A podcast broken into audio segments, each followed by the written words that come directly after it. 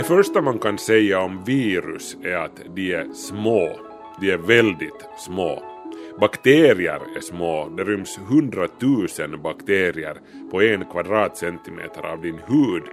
Men bakterier är jättelika jämfört med virus.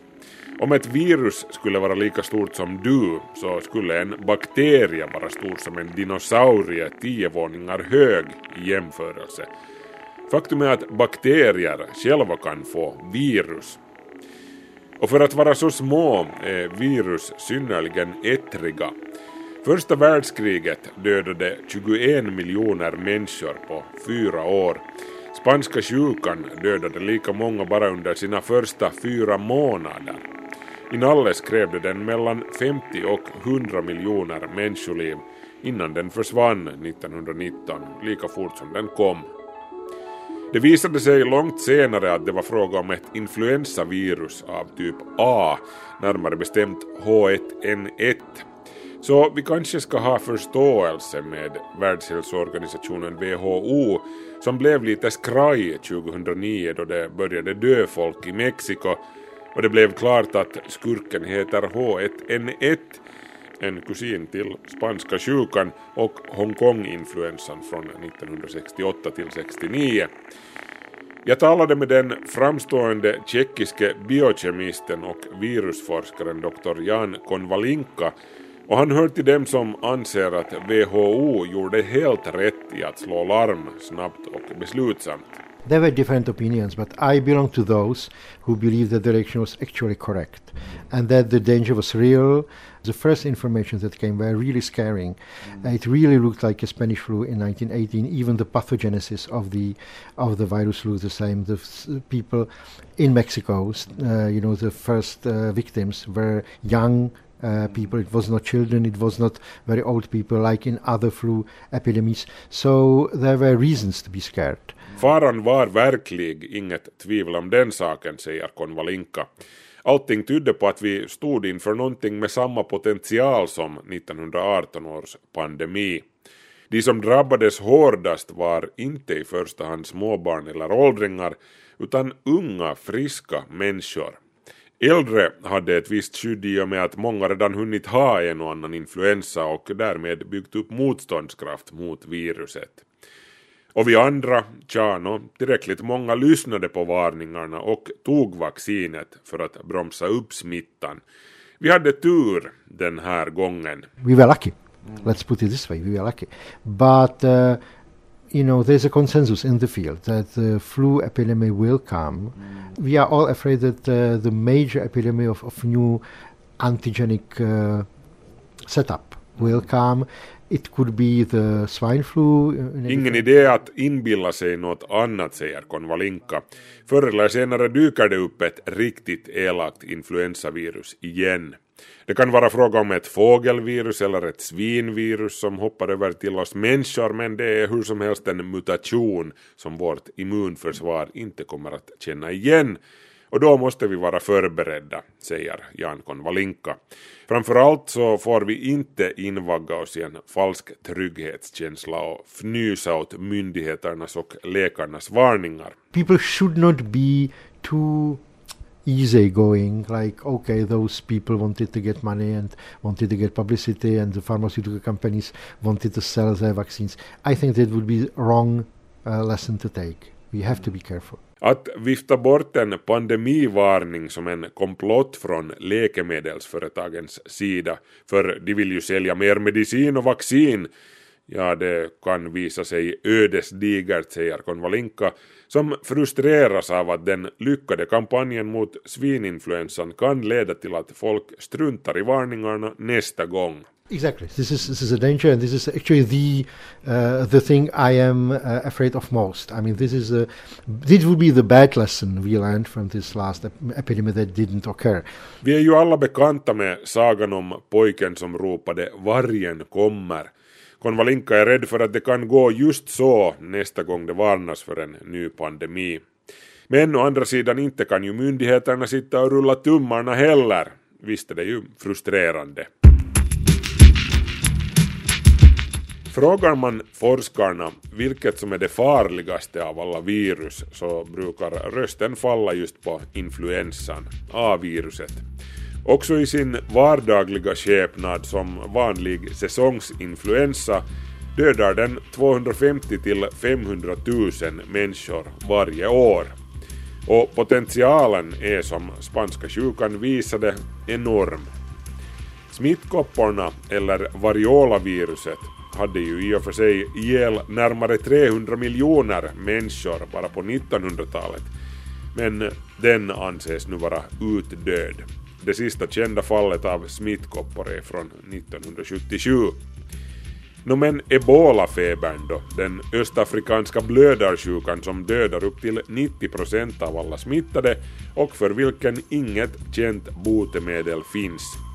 Äh, amatörvirus, nyser Jan Konvalinka. Uh, biologists would argue that uh, those deadly viruses that would kill their hosts very soon mm. are actually young viruses mm. that are not uh, evolved enough. Yeah because it's actually not clever for the virus to kill the uh, yeah. kill the host. It's much more clever to uh, somehow uh, live together. Ur en biologs synvinkel är ebolaviruset ett typiskt ungt, oförståndigt virus.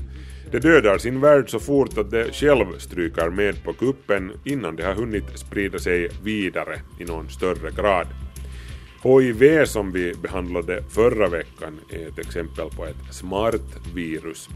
Det kan ligga overksamt i våra cellkärnor i flera år innan det slår till, allt medan vi sprider det vidare. Influensaviruset är också ett smart virus. Det vill hålla dig lämpligt sjuk så att du hostar och nyser samtidigt som du är tillräckligt kry för att röra på dig för att effektivare sprida smittan. Men ditt immunförsvar är också rätt smart. Det är immunförsvaret som får dig att känna dig sjuk, inte viruset självt. Allt för att få dig att vilja stanna hemma under täcket.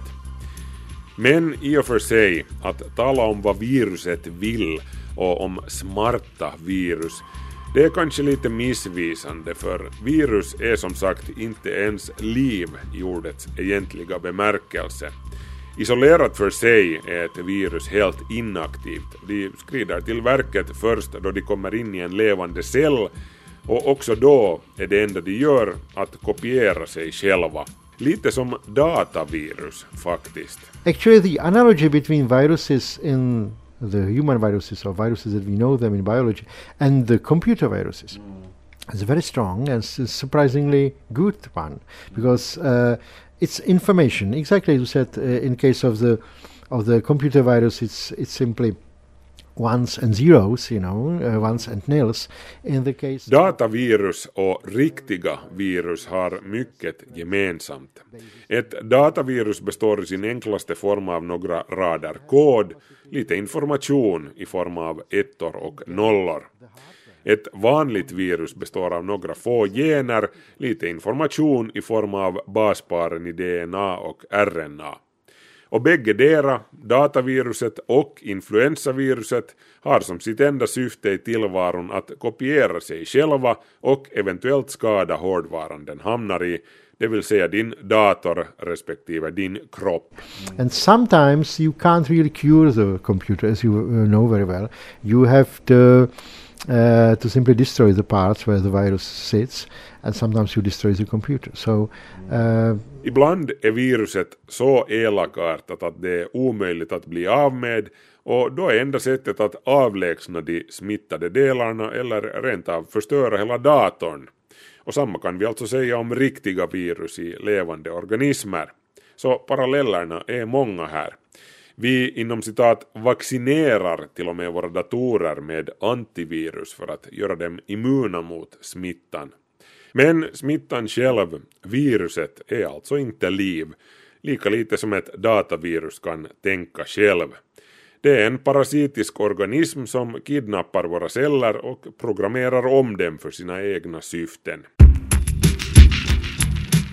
Till slut måste jag ännu fråga om det finns något virus som vi har underskattat.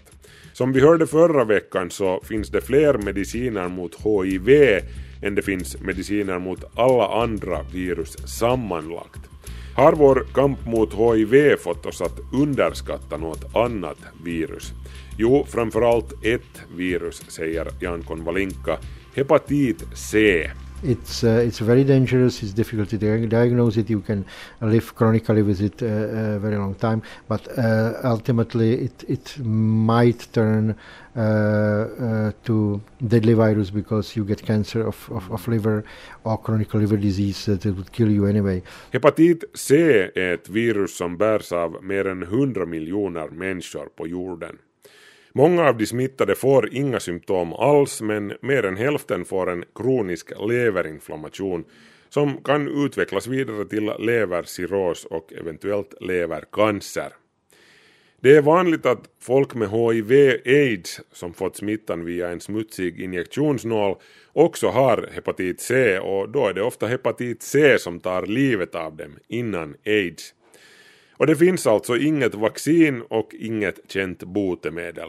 Så jo, hepatit C är underskattat, säger Konvalinka. I think this is probably the most underestimated virus that is. Fortunately, lots of uh, people are now working on, on, people started to realize that. Maybe partly because of HIV. Hepatit C har delvis glömts bort men lyckligtvis så har man nu börjat vakna upp och göra något åt saken, säger Konvalinka och då kommer erfarenheten från kriget mot HIV väl till pass. They are based on the same principle. They are not the same compounds, but they are based on the same principle that worked for HIV. So it is another thing that uh, actually the money and time and effort invested in HIV is now paying off with different viruses. Pengarna som plöjts ned i kampen mot HIV har ingalunda varit bortkastade, säger biokemisten Dr. Jan Konvalinka från Prags institut för organisk kemi.